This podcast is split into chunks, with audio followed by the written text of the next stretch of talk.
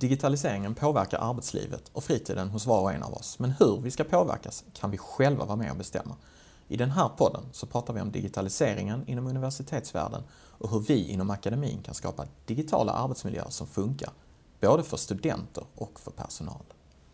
Dagens ämne är IT-stöd i arbetet. Jag heter Andreas Jakobsson och jag leder digitaliseringsuppdraget på Malmö universitet. Jag är också dekan vid fakulteten för teknik och samhälle. Vid min sida så sitter Åke Jansson, chef över universitetets IT-avdelning. Välkommen hit. Tack så mycket. Vad gör ni egentligen på IT-avdelningen? Vi arbetar med framförallt infrastrukturen på universitetet, ser till så att den fungerar och vi utvecklar den. Vi arbetar också med support, service till både studenter och personal. Vi ser också till så att vi integrerar våra system med varandra försöker att påverka utvecklingen av de system som vi köper upp. Vi utvecklar väldigt få system själva, utan vi köper in system, men de ska ju sen samarbeta. Och det försöker vi påverka från vårt håll. Mm, många svåra arbetsuppgifter. Jag tänkte ett ord jag hakar upp mig på direkt i inledningen var ordet infrastruktur. Kan du berätta för oss som inte vet vad det ordet betyder i ditt sammanhang? Vad, vad menar du med det? Infrastrukturen för mig betyder ju servrar som ju innehåller all programvara, alla sparade, allt sparat material. Eh, det betyder också vårt nätverk, alltså vårt både trådade, där man har en sladd i väggen, och det trådlösa nätverket naturligtvis. Det är grunden för infrastrukturen. Så att man kan koppla upp sin dator var som helst på universitetet. Du var inne på det lite grann. Jag undrar eh, varför har vi egentligen en så spretig uppsättning av digitala arbetsverktyg? Så ett exempel skulle ju kunna vara det här med videosamtal. I dagsläget så finns det ju många olika tjänster vi vid universitetet kan välja mellan. Vi har Skype, och vi har Zoom och vi har Connect och så vidare. Men varför har vi inte egentligen bara en enda tjänst som alla använder? För det första så tror jag inte det är möjligt inom ett universitet att bara ha en enda tjänst. Vi är ändå en öppen verksamhet. Mm. Man ska också kunna prova olika saker, både inom forskning och utbildning. Sen är det ju också så att vi har flera system idag av det enkla skälet att vi är tvungna att handla upp system. Och en upphandling den görs på fyra till fem år och efter det har gått fyra, fem år så måste man då göra en ny upphandling. Och då kan det ju faktiskt hända att det blir ett nytt system som vinner upphandlingen. De här upphandlingarna görs oftast nationellt för alla lärosäten. Det första systemet vi handlade upp i vårt fall var ju eh, Sunet Connect. Och det är ett antal, jag tror det är tio år sedan ungefär. Eh, det är nu på väg ut, man gjorde en ny upphandling och då blev det Zoom som vann den upphandlingen. Just nu har vi både Zoom och Sunet Connect. Vi har också Skype for Business som ju är en del av Microsofts eh, verktyg.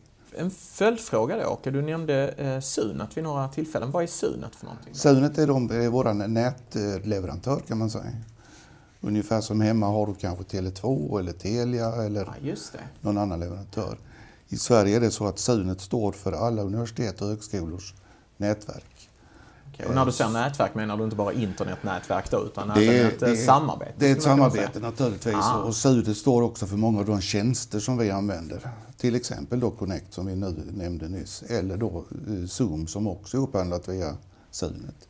Eller för den delen våra nya Learning Management System, Canvas, som också är upphandlat via Sunet och som idag används av 20 lärosäten ungefär.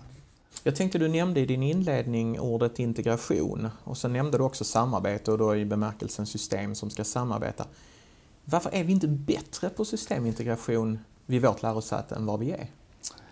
Har också till viss del med nyutveckling som görs ute på marknaden och även upphandlingsdelen. Vi kan titta på LADOC nu till exempel, det har kommit nytt LADOC 3. Där vi då som lärosäte måste integrera våra system med LADOC 3. Och det gör vi ju i den takt som vi har kraft och möjlighet att göra det. Till exempel integrerar LADOC 3 med Canvas. För så är det inte idag? Att... Så är det inte idag, men vi, vi siktar nu. Det är en prioriteringsfråga och nu har vi prioriterat upp den frågan så att man kan jobba till exempel i Canvas för att leverera resultat inne i LADOC. Ja, men det låter ju bra. Jag tror att det är hett efterfrågat i flera delar det av finns många sådana saker som är hett eftertraktade just när det gäller integrationer. Att förenkla för både studenter och personal. Vilken är den största utmaningen för en IT-avdelning av ditt snitt idag? Våra största utmaning just nu är faktiskt att rekrytera folk. Att rekrytera utvecklare som kan hjälpa oss i den här uppbyggnaden på infrastruktursidan med integrationer eh, framför allt. Då. Jag har faktiskt fått en lyssnarfråga här också via vår producent. Och Åke, jag undrar vad du säger till de medarbetare som känner sig övervakade av IT. På, på ett exempel här är att på nya iPhone så möts användaren av meddelandet denna iPhone övervakas och administreras av Malmö högskola. Ja. Det låter ju nästan lite, lite, lite, lite, lite sådär creepy va? Eller vad, ja, vad tycker du? Tycker jag med att det låter lite creepy att vi skulle ja. övervaka telefonerna. Vilket vi inte gör. Ni gör inte det? Nej, vi gör inte det. Okej, okay. det var skönt att höra. Berätta. Eh, det är så att varje telefon som köps in numera till Malmö universitet, den registreras som Malmö universitets egendom. Vilket den ju också är naturligtvis. Och det enda vi kan göra med telefonen det är att vi kan centralt gå in och till exempel radera den om den stjäls. Vi kan också gå in och söka den. Har ni rätt att göra det när helst ni vill? Eller? Nej, när det, inte utan ägarens tillstånd. Inte utan eller ja, användarens tillstånd ska vi säga. Ägaren är fortfarande Malmö universitet. Just det. Eh, och det är ganska nytt att varje telefon registreras och det dyker då upp som att vi har en övervakning, mm. vilket vi inte har. Nej. Vi kan inte övervaka telefonsamtal eller bilder eller någonting annat Nej. i telefonen. Okej, så nyttan av den här registreringen det handlar egentligen om då att kunna få tag på den om den stjäls? Det handlar om säkerhet och det handlar om att det är en egendom som ägs av Malmö universitet. Och därmed måste vi registrera upp den som egendom. Aha, att, så det är, kan man säga det är regel... Det är regelstyrt, ja. Ja, Okej, okay. ja. ja. men det var ju bra att det tydliggjordes. Eh, vi har fått en, en lyssnarkommentar också eh, som säger så här. Jag tycker att vi borde få bättre teknik för att ha digitala arbetsmöten. Det vill säga teknik som gör att vi kan se varandra och höra varandra på distans och även ta del av presentationer i realtid. Och då behövs även utbildning i hur man använder exempelvis den här tekniken. Några reflektioner om den här kommentaren? Där har vi historiskt sett varit otroligt dåliga på Malmö universitet att just eh, utbilda inom de här områdena och att utveckla den pedagogiska delen av det. Och därför så gjorde vi som så att under 2018 så har vi anställt två stycken IT-pedagoger. Vi har också kompetensväxlat, så vi har numera tre IT-pedagoger som ju ska kunna hjälpa till med just de här sakerna. Att utbilda personal och att kunna medverka i utvecklingen av den pedagogiska IT-verksamheten för lärare. Eh, det är under en uppbyggnadsfas. Eh, vi har tre stycken. Mitt, eh, vårt mål ska jag väl säga då är väl att vi ska åtminstone ha en grupp på kanske 6, 8, 10 personer som jobbar just med den typen av frågor och som hjälper till att utveckla de pedagogiska delarna. Eh, hörde du, du har ju då varit IT-chef vid först Malmö högskola och sen nu Malmö universitet i en herrans massa år, det stämmer va? Hur många år är det? Det är faktiskt 21 år. 21 år, det bär ju en otrolig respekt med sig. Jag tänker på den tid du har varit, om vi blickar tillbaka lite grann, och så vet vi att du, du ingår ju också i utvecklingsrådet för digitalisering och då, därför blir jag nyfiken och vill fråga dig Åke, vilket är ditt bästa exempel på digitalisering vid Malmö universitet? Jag brukar faktiskt svara att, att det är ändå eh, möjligheten att kunna göra utskrifter på det sätt vi gör idag. Utskrifter? Ja, det, det kanske låter banalt. Men jag tittar tillbaka lite grann och tittar på hur det var förr när man hade personliga skrivare, alltså varje skrivare var kopplad till en dator. Eh, otroliga problem med, med dels eh, variationen av skrivartyper eh, och allt vad det innebar av att köpa toner eller bläck som det kanske var på den tiden. Eh, tills dess att vi idag faktiskt har system som möjliggör att jag kan sitta hemma och skriva ut dokument och plocka ut dem på jobbet på ett säkert sätt. Dokumenten kommer ut i skrivaren när jag står vid skrivaren. Tittar jag tillbaka till 2005, 2006 så varje eftermiddag så tömde man otroliga mängder papper som låg vid varje skrivare. För folk skrev ut hej vilt men man gick aldrig och hämtade papperna.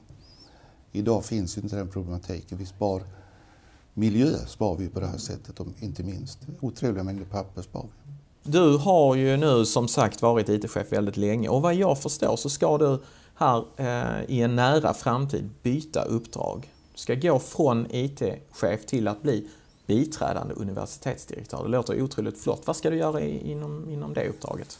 Jag ska ju dels jobba då naturligtvis tillsammans med nuvarande eh, universitetsdirektör. Eh, jag kommer också att jobba med digitalisering lite övergripande inte minst då tillsammans med Utvecklingsrådet för digitalisering. Mm. Har ju god kännedom om, naturligtvis efter 21 år, om IT-avdelningen och dess möjligheter.